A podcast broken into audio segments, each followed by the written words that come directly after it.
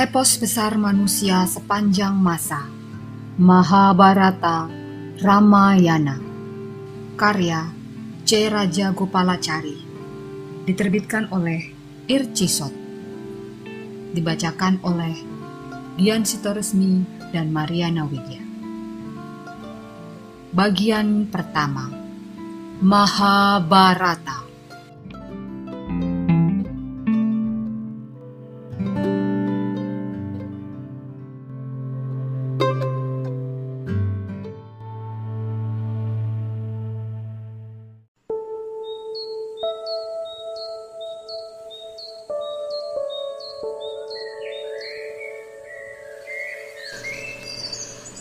Bab 57 Senapati Agung Pandawa Govinda tiba di Upaplawya dan segera menyampaikan hasil pertemuannya dengan para tokoh penting di Istana Hastinapura.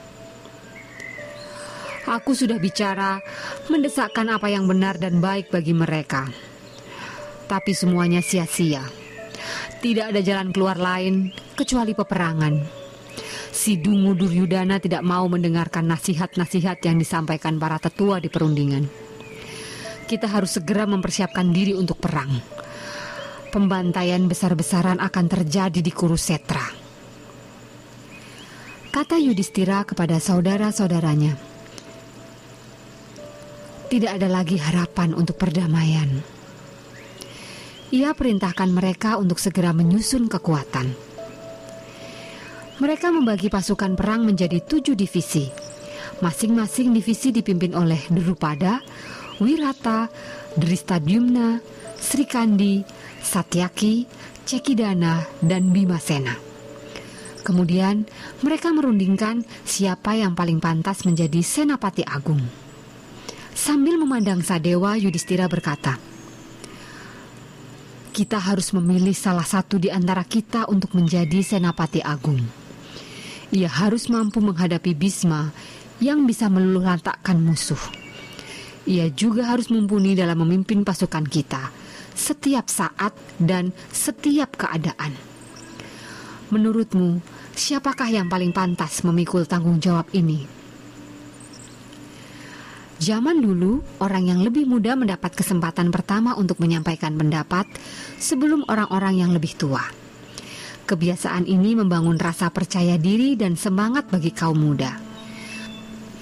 Jika yang tua diberikan kesempatan untuk bicara lebih dulu, kaum muda akan merasa tidak bebas lagi untuk menyampaikan pendapat.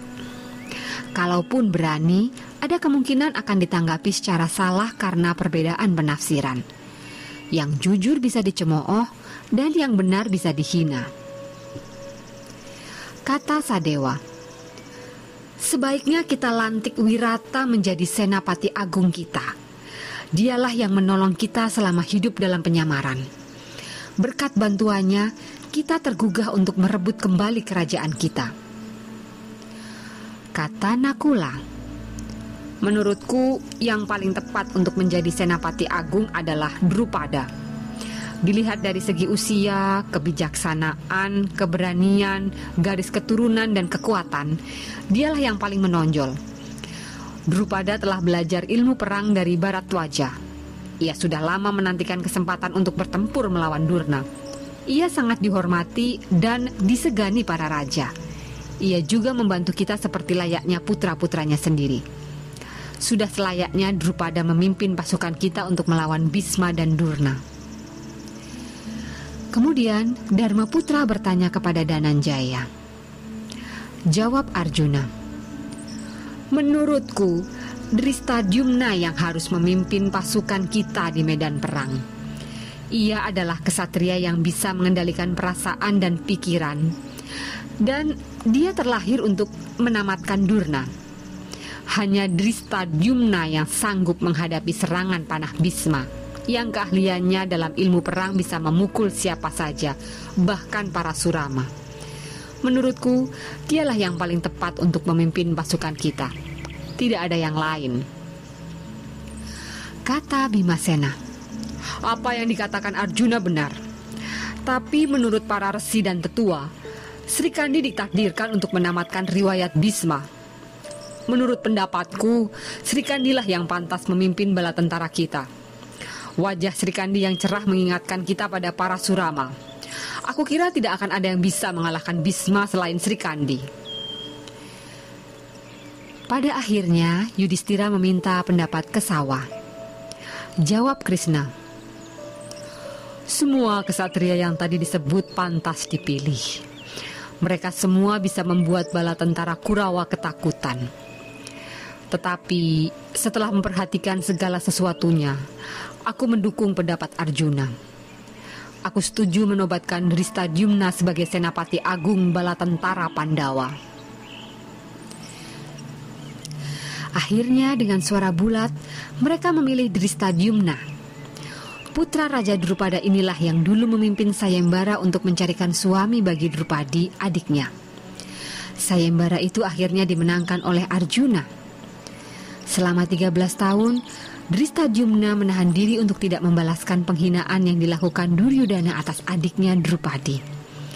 Ia memang menunggu saat yang tepat untuk membalaskan dendam adiknya sorak-sorai bala tentara, terompet perang, dan sangkakala terdengar membelah angkasa. Pasukan Pandawa berbaris melangkah maju dengan mantap menuju padang Kurusetra.